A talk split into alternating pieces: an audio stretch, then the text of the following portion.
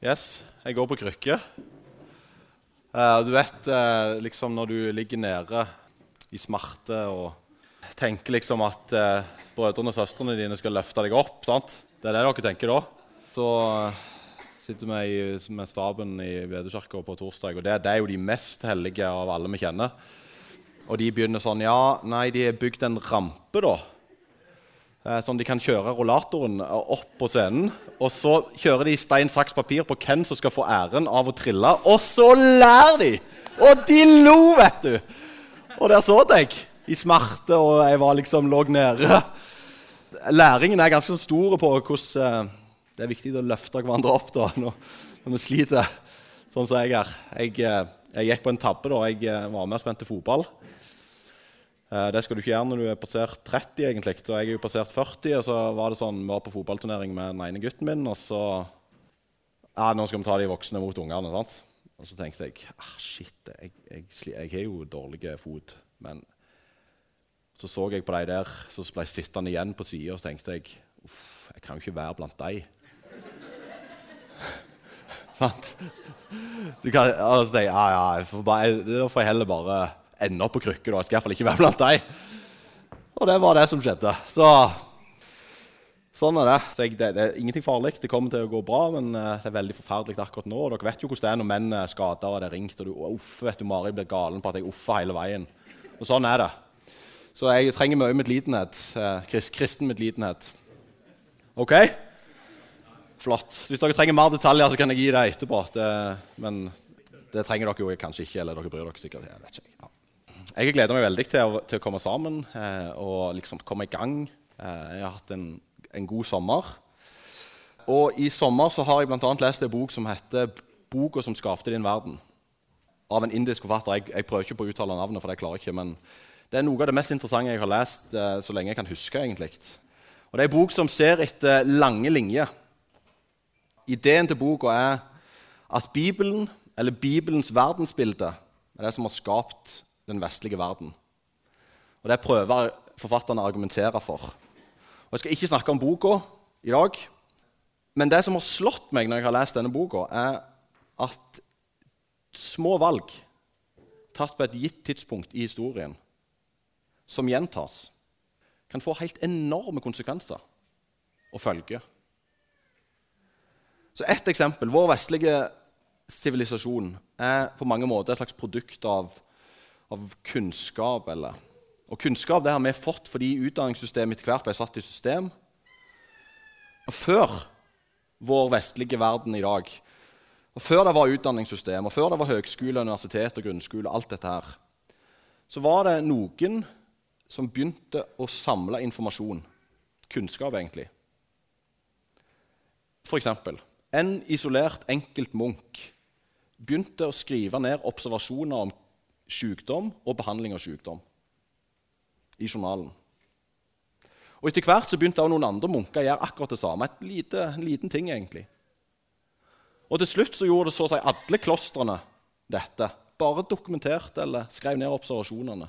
Og Det eskalerte så mye at til slutt så måtte klosteret finne vi, vi kan ikke holde på med det, det tar for mye tid. Så de outsourca det. Og det har til slutt ført til det som er legestanden eller moderne medisin i dag.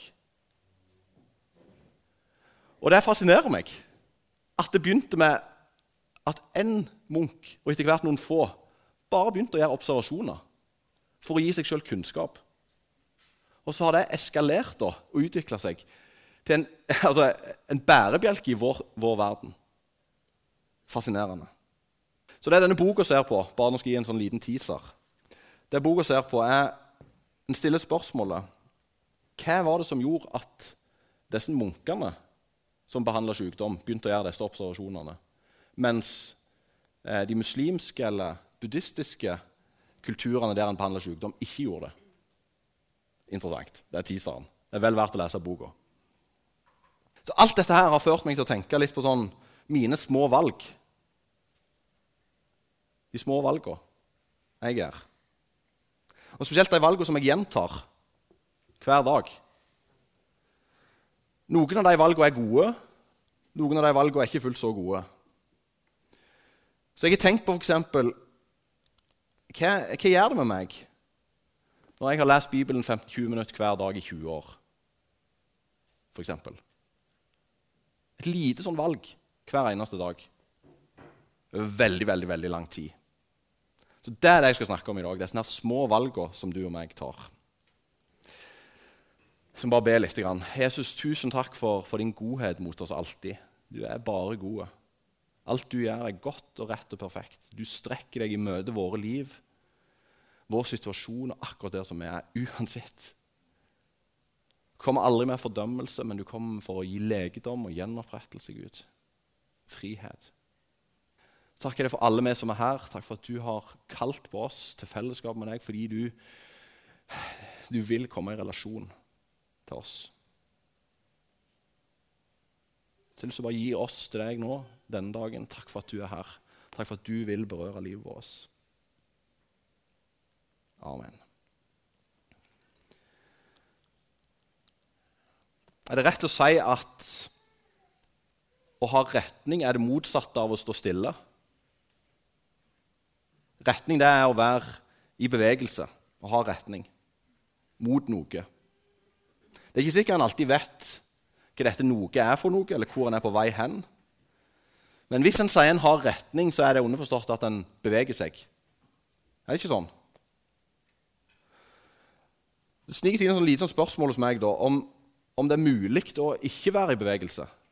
Går det an? Går det an å stå helt stille? Er det mulig å ikke ha noen retning med livet?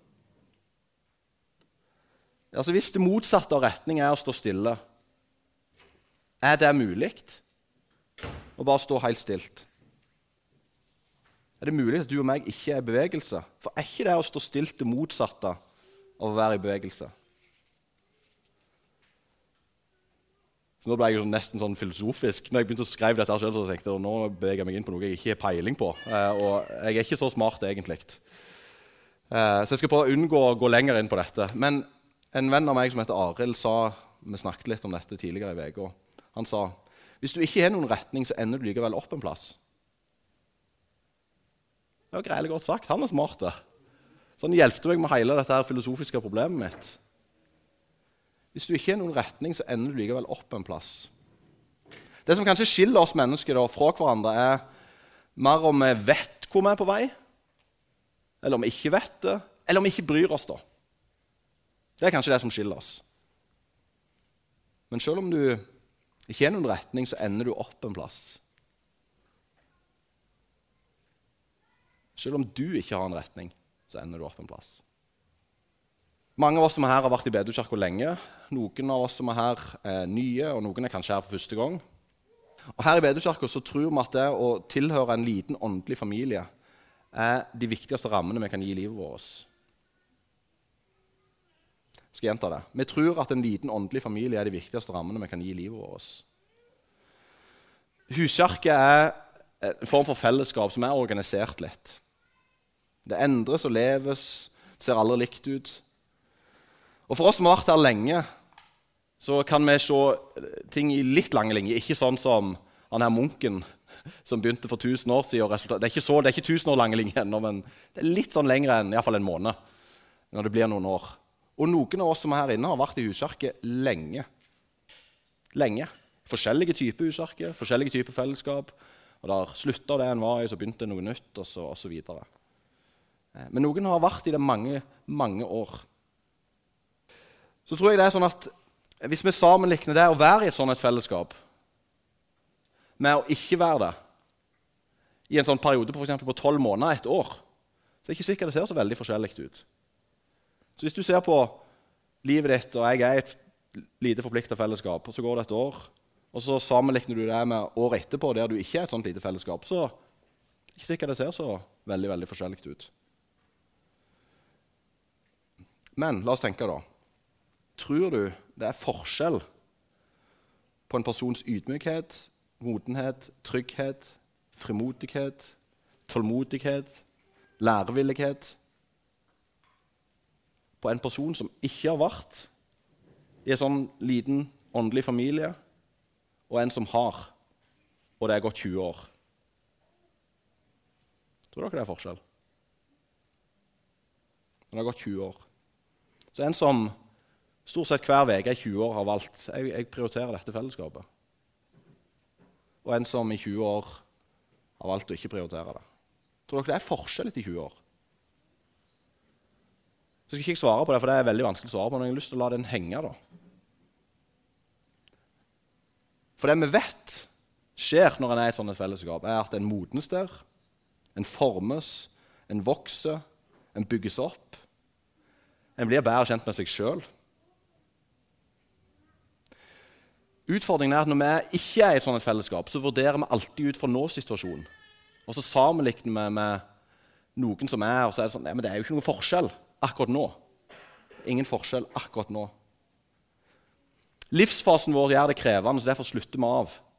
Og så når det har gått seks måneder eller tolv måneder, som ikke er så lenge, så er bare vurderingen nei, det er ikke noen forskjell.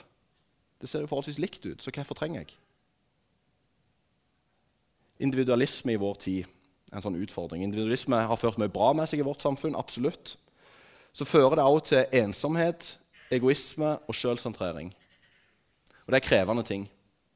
Jeg vet ikke hvordan det er med dere, men jeg drømmer, dette, dette er noe av det som gir meg energi. Jeg drømmer om at Bryne, vårt lokalsamfunn, skal preges i liten grad av disse tingene, som ensomhet, egoisme og selvsentrering. Det er det jeg drømmer om. Jeg drømmer om at Guds rike skal komme sånn at vårt lokalsamfunn preges av disse tingene. Og så vet jeg det skjer ikke liksom sånn bang, så var det fiksa. Det går ikke. Så de kortsiktige greiene rundt dette det er helt umulig. Men bakteppet til at jeg velger å være i et forplikta fellesskap hver uke, er at jeg ønsker at mine barnebarn skal leve i et lokalsamfunn som ikke er preget av egoisme og sjølsentrering. Det er det jeg lever for. Og så tror jeg faktisk at når jeg tar noen enkle, gode valg hver uke og gjentar det og gjentar det og gjentar det og gjentar det, og gjentar det, så påvirker det. Så mange av oss har gjentatt dette lenge og mange ganger. Fortsett med det, folkens. Det kan påvirke samfunnet vårt.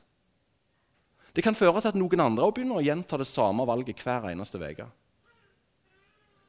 Det er ikke fordi jeg syns alltid at det er kanongildt i husarka. Ofte syns jeg det er stress. Ofte syns jeg det er nedtur. Men jeg velger det igjen og igjen fordi jeg vet at det gjør noe med meg. Og det er et valg som gjentar seg. Og jeg ønsker at samfunnet vårt skal bli forvandla. På kort sikt så gjør det kanskje ikke så stor forskjell om jeg er i den husverka eller ikke. Men tenk hvis vårt lokalsamfunn kunne blitt annerledes for mine barnebarn. Tenk hvis! Helt seriøst. Og det eneste, som jo er ganske krevende, er at jeg må velge igjen og igjen og igjen og igjen de samme små tinga på lang sikt. En annen sånn kjernepraksis for oss som, som tror, er jo dette her å lese i Bibelen. og Nå er vi jo sånn inne på tema nummer én for å skape dårlig samvittighet. Er dere klar for det? Jeg, har, jeg, jeg strever med å prioritere bibellesing.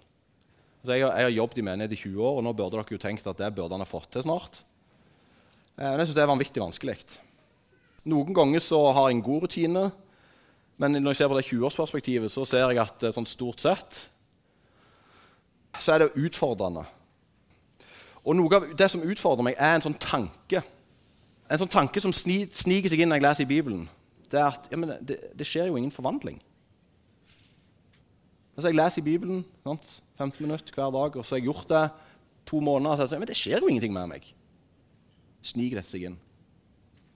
Akkurat som jeg har en slags sånn tanke om at når jeg leser i Bibelen, så er det sånn, da er det akkurat som en sånn bombe som slår ned til forvandling. Og så, så kjemper jeg enda mer med denne tanken. det skjer jo ingen... Og Til slutt så kommer jeg til en slags konklusjon på at det ikke, Altså, Det går helt fint uten. Det skjer jo ingenting. Sånn det, det der lille valget. Jeg, jeg, trenger ikke ta det valget hver dag.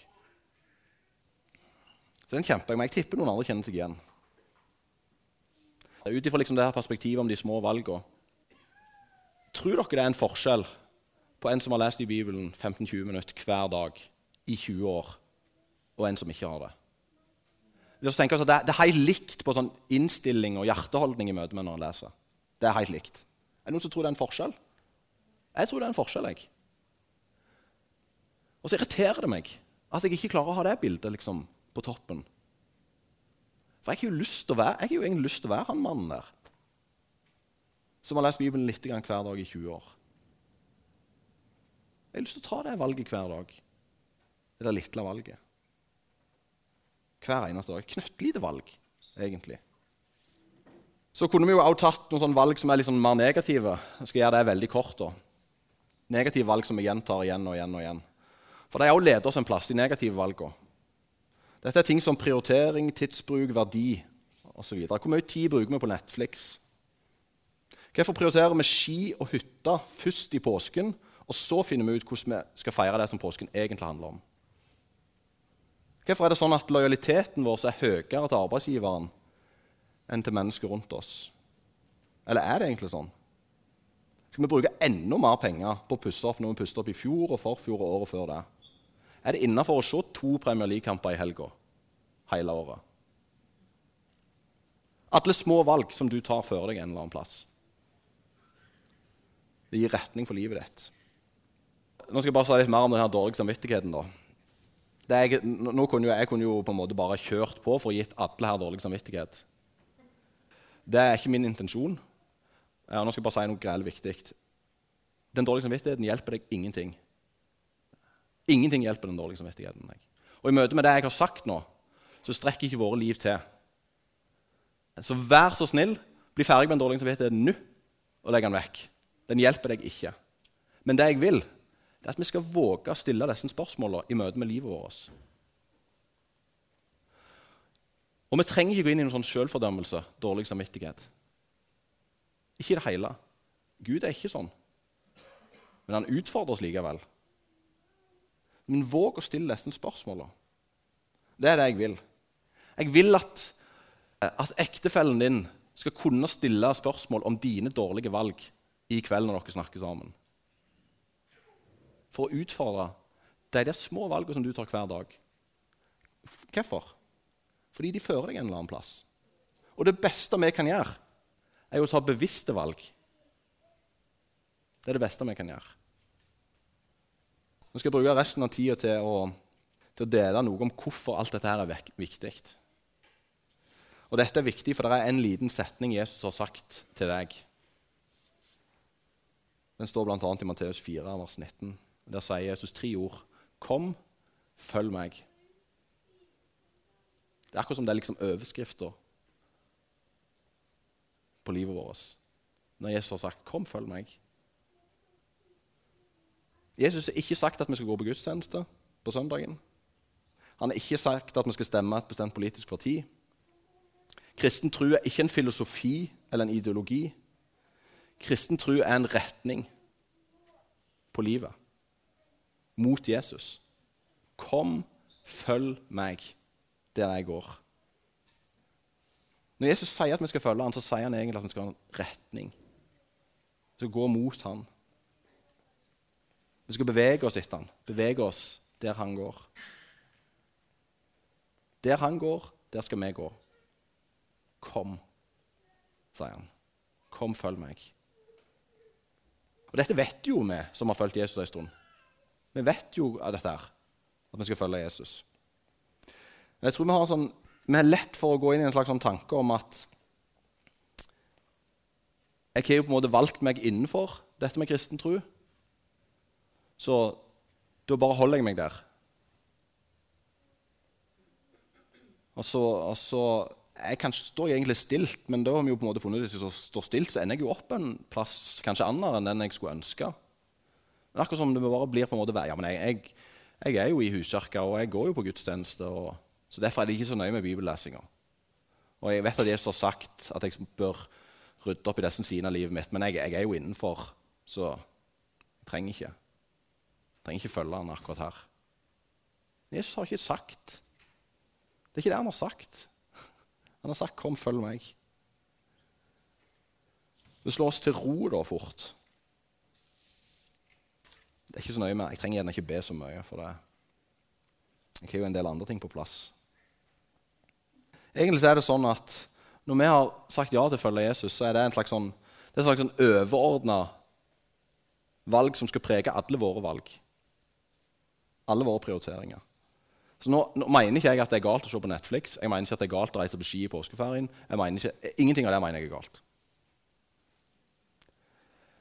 Men det må skje under det der valget om ja, jeg følger Jesus uansett. Hvis det ikke skjer under det valget der, så blir det egentlig til slutt en avgud. Og det vil vi jo egentlig ikke. Men Jesus har sagt, 'Kom, følg meg'. De små valgene som ingen ser, der, der er dette overordna. Og de store valgene som får vanvittig mye oppmerksomhet. Kom, følg meg, sier Jesus.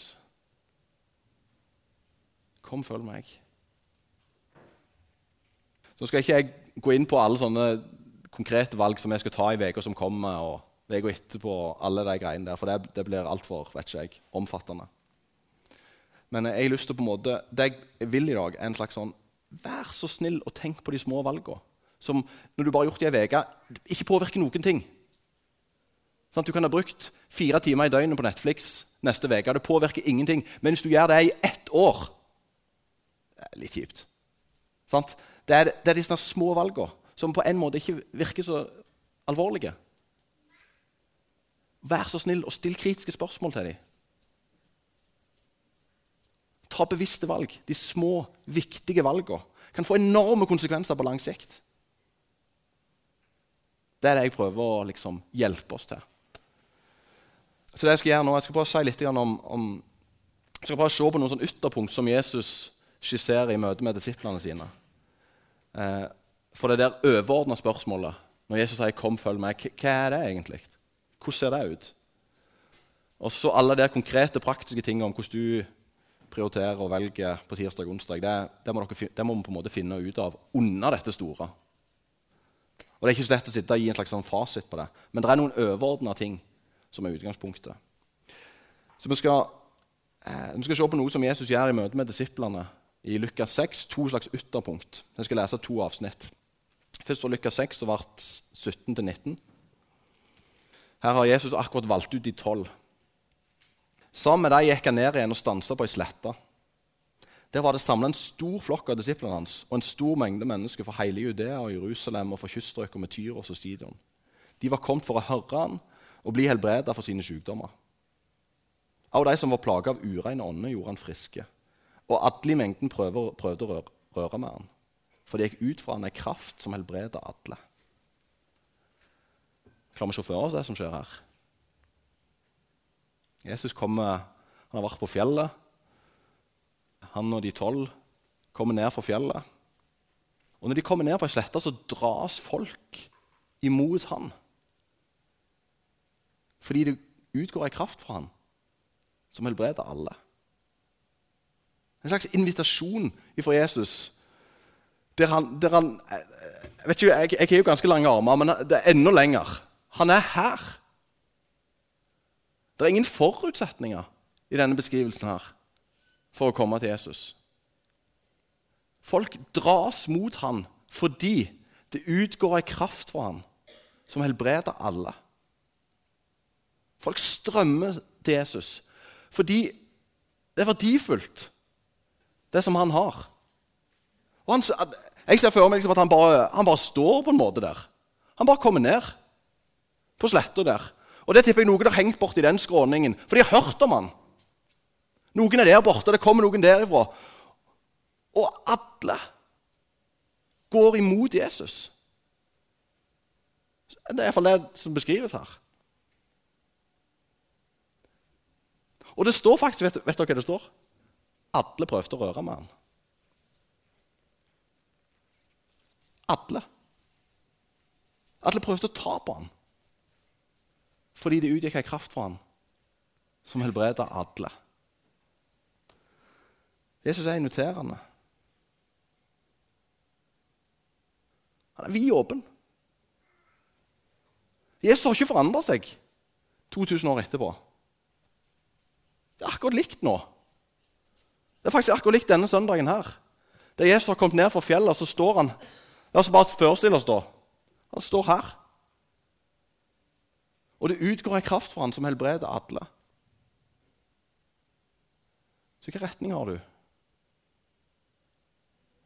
Er det mest komfortabelt å bare henge i skråningen og se på?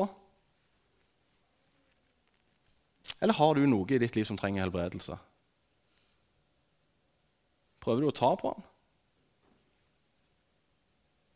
Eller er det tryggest på avstand, for da har du kontroll sjøl?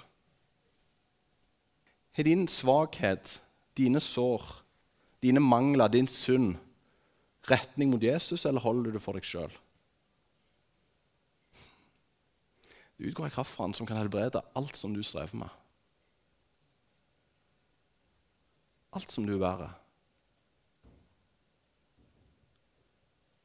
Absolutt alt. Jesus er her. For, han er her.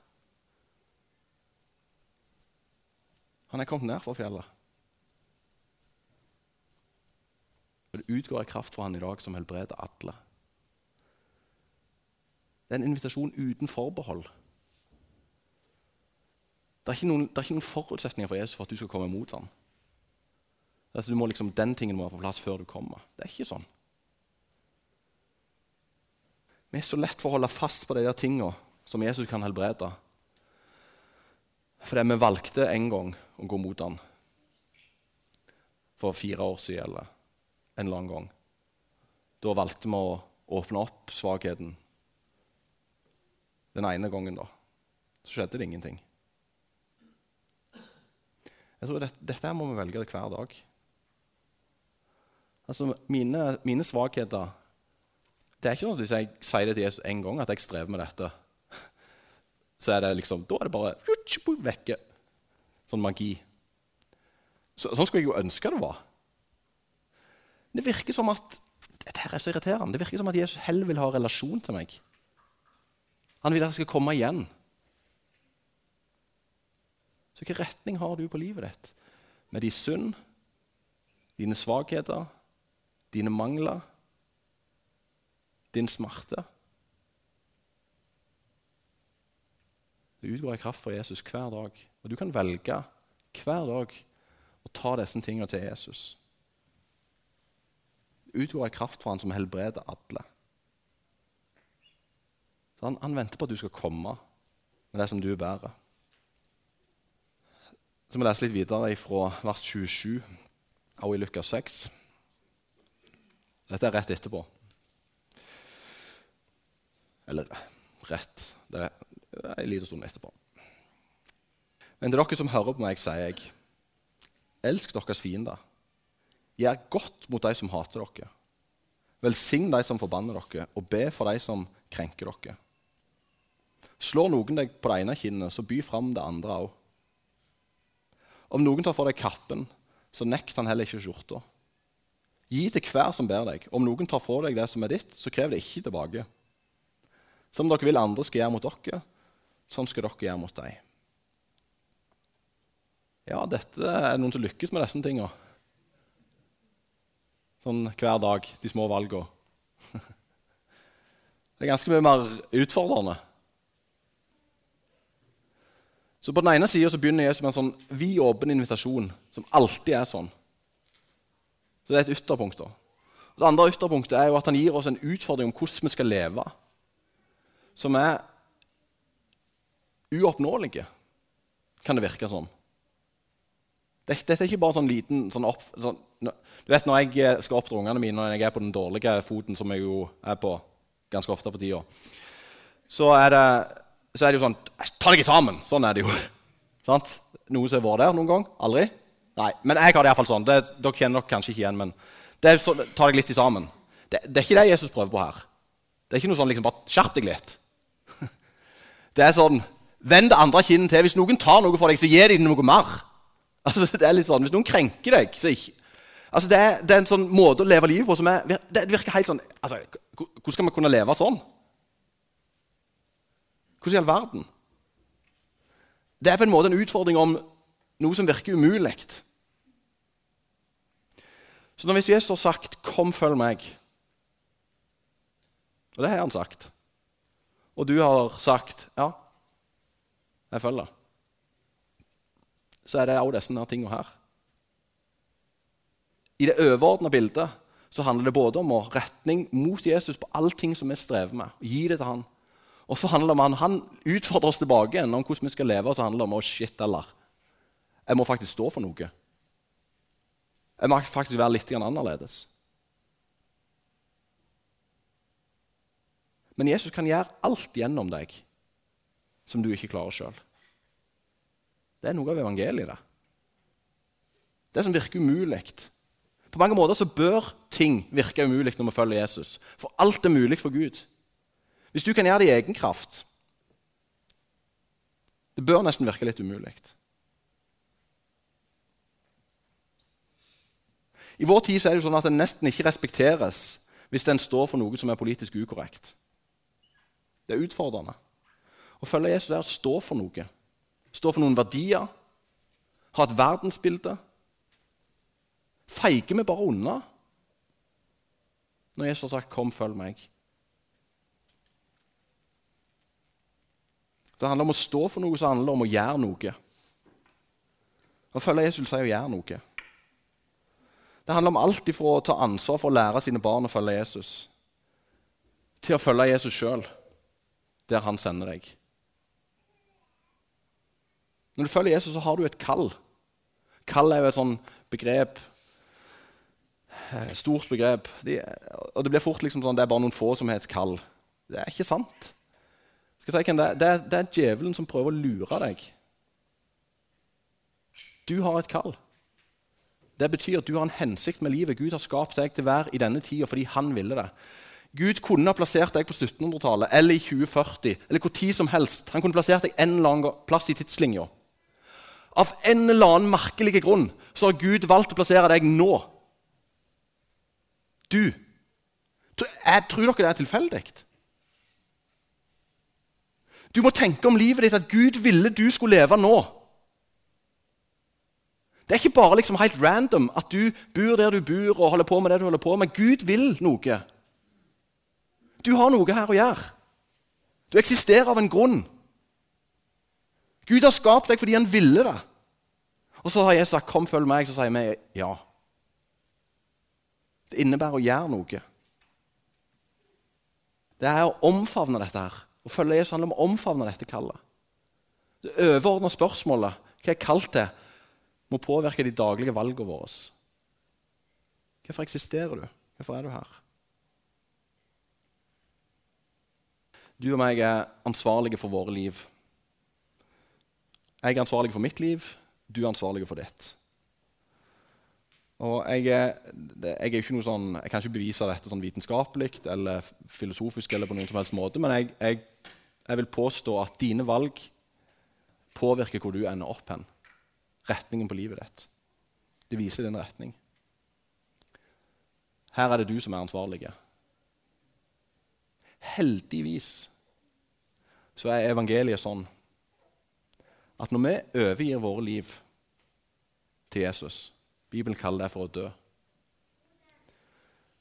Så får vi et nytt liv. Med kraft til å leve dette umulige livet i etterfølgelse av Han som har kalt oss.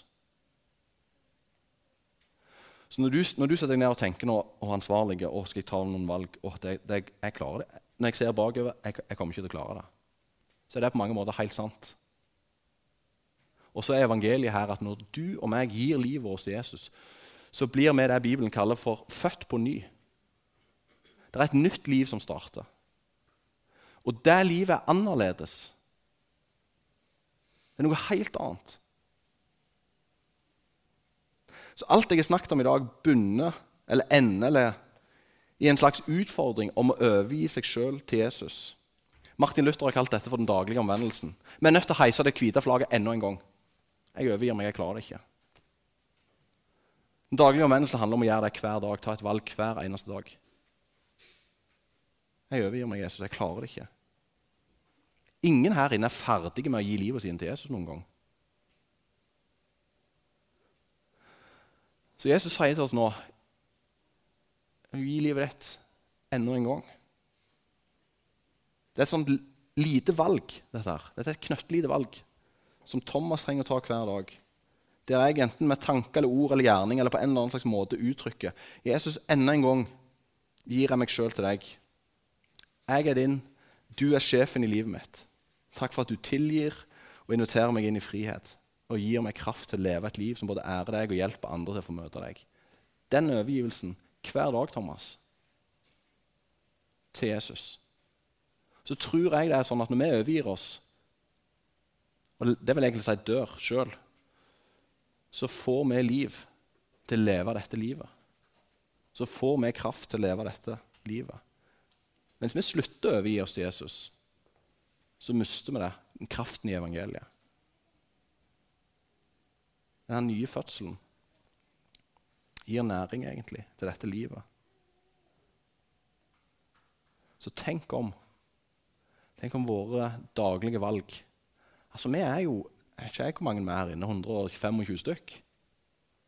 Det er ganske mange. Jesus hadde jo kun tolv. Tenk hvis vi hver eneste dag tok noen gode, rette valg. Tenk på hva det kunne gjort for vårt lokalsamfunn om 40 år. Altså, det, det, det, er ingen forvandling som skjer sånn. Tenk hvis. Tenk, det, det, er det, som er liksom hele liksom, livet her. Tenk om vi kunne gitt livet vårt til Jesus igjen og igjen. og igjen. Tenk om vi hver dag evner å prioritere å lese i Bibelen hver eneste dag. Tenk om vi velger hver eneste uke å underordne oss noen andre i et lite fellesskap der vi ærer Jesus, deler alle våre utfordringer, smerte, sorg og glede, og er til oppmuntring for hverandre. og Vi strekker oss ut til de som er utenfor, og inviterer de inn i disse små familiene. Tenk om vi tok sånne valg hver eneste uke, hver eneste dag. Alle vi som var her. Tenk hva som kunne skjedd! Så Jesus har sagt i dag, 'Kom, følg meg'. Overgi deg igjen. Og Jeg har ikke lyst til at vi skal liksom se bakover på at vi mislykkes, for det er lett å identifisere. Men la oss heller se framover. Ok, jeg jeg skal bare gi livet mitt til Jesus hver eneste dag. Jeg skal aktivt ta det valget. Jeg skal gi mitt liv til Jesus. Det betyr egentlig at han blir sjef, og han kan gjøre ufattelige ting. Tenk om. Tenk om det er sånn at vi ender opp en plass som er tett på Jesus sitt hjerte og den fred som overgår all forstand, den preger oss når vi blir gamle. Det hadde vært noe. Fordi vi hver dag har tatt noen gode valg. Jeg ber en liten bønn. Jesus, tusen takk for at du er kommet